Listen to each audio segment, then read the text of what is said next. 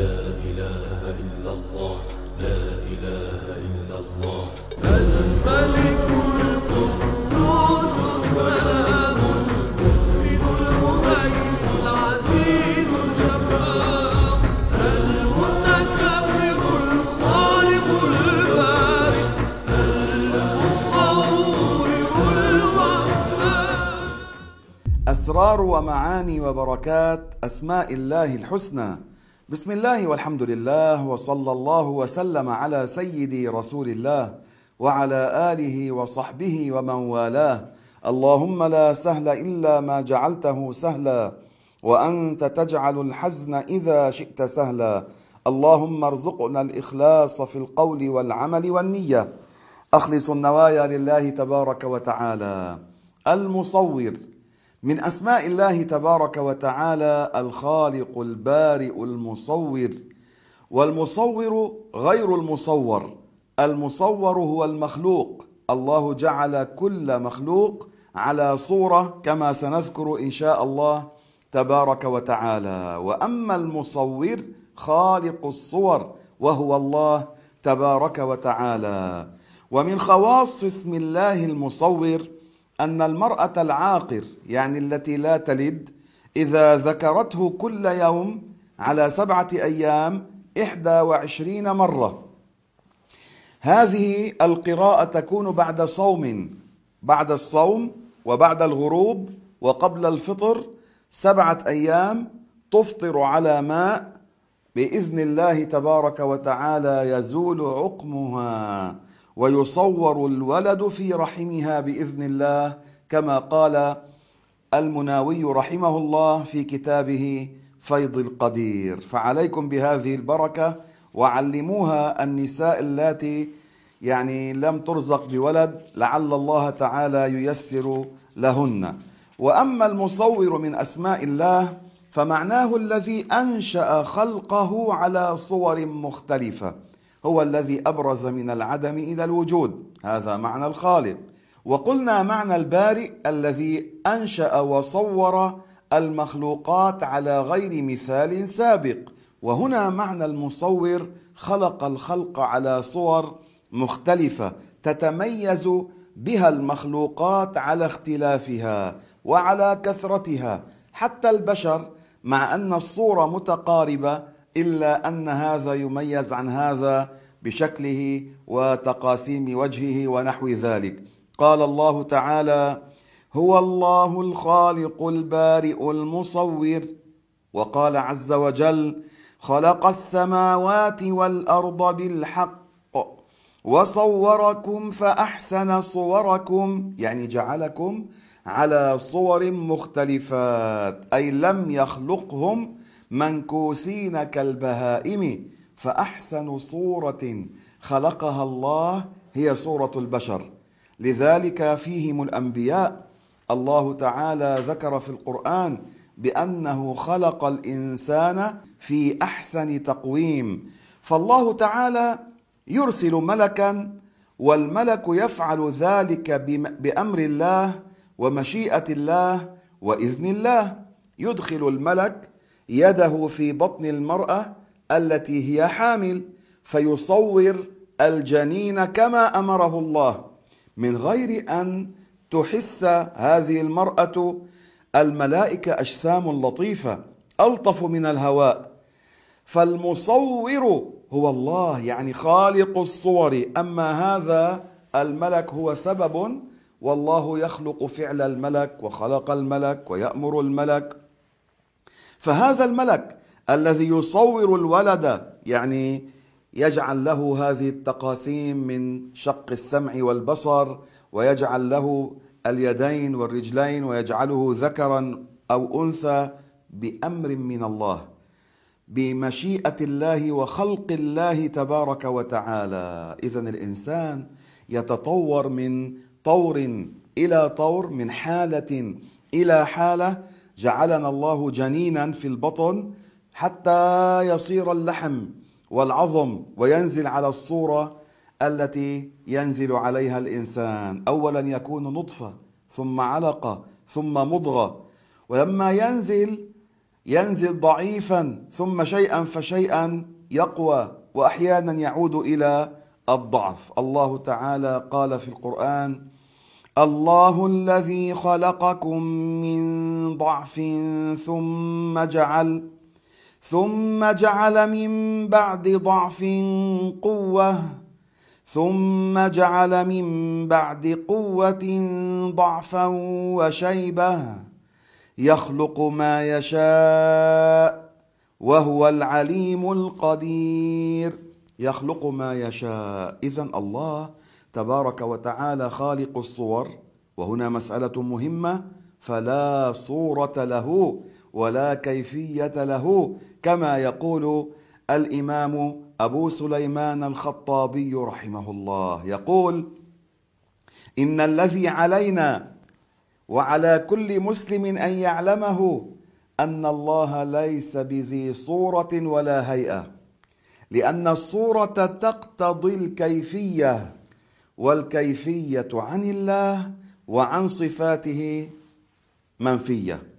أما الذي جاء في الحديث فإن الله تعالى خلق آدم على صورته. انتبهوا لا يعني أن الله له صورة وآدم يشبه الله. من اعتقد هذا أو قال هذا هذا ما عرف الله وخرج من الدين. القاضي عياض رحمه الله يرد وغيره كثيرون ردوا على من نسب الصورة لله. وقال رحمه الله والذي قاله لا يخفى فساده. يعني هذا الذي ادعى أن الله له صورة كلامه فاسد.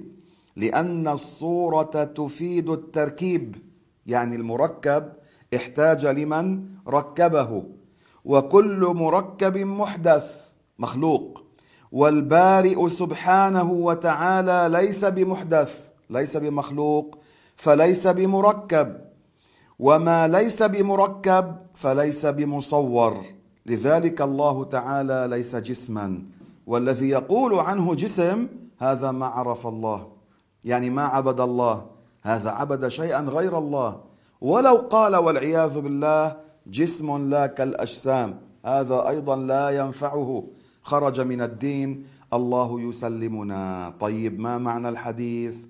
إن الله خلق آدم على صورة الرحمن. بعض العلماء هذه الرواية التي فيها على صورة الرحمن قالوا لا تثبت فاذا لا يحتج بها في العقيدة. أما الرواية الأولى فهي على صورته. قال العلماء يعني على صورة آدم التي جعل عليها. بعبارة أبسط نحن نولد في بطون أمهاتنا بتدرج يتغير الواحد منا أحباب وبينزل ضعيف صغير ما بيقدر يمشي بعدين شوي شوي بيمشي ثم بيكبر. هذا الإنسان العادي آدم لا ما هيك؟ آدم خلق على الصورة التي هو عليها. يعني خلق طويلا طوله ستين ذراعا وعرضه سبعة أذرع. خلق على هذا الحجم مش إنه كان صغير بعدين كبر. وحواء كذلك خلقت على الصورة التي تناسب حجم آدم. وزوجه الله حواء. آدم تزوج حواء. اذا ماذا يقال في هذا؟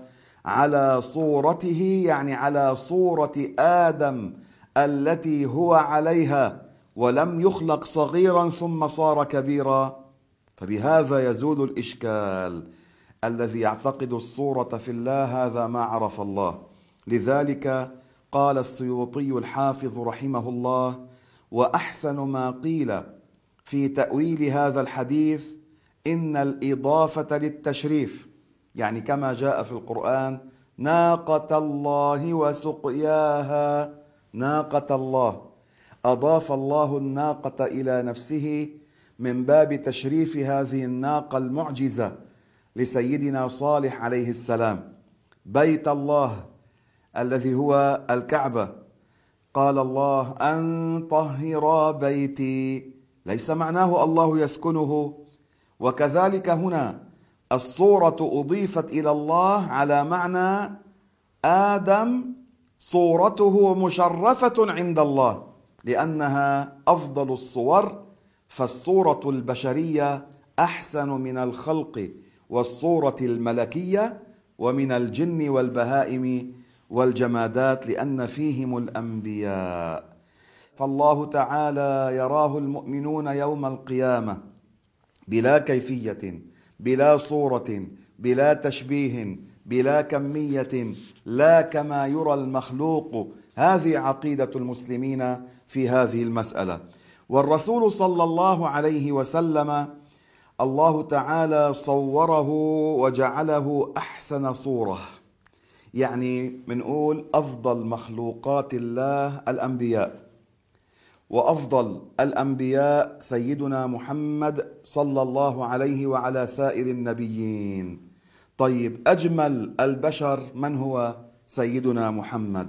جعل عليه الصلاة والسلام أجمل الخلق أجمل البشر أجمل خلقا وخلقا صورة وخلقا. لذلك قال البراء هذا الصحابي الجليل عن النبي عليه الصلاة والسلام كان رسول الله صلى الله عليه وسلم أحسن الناس وجها وأحسنهم خلقا ليس بالطويل الذاهب.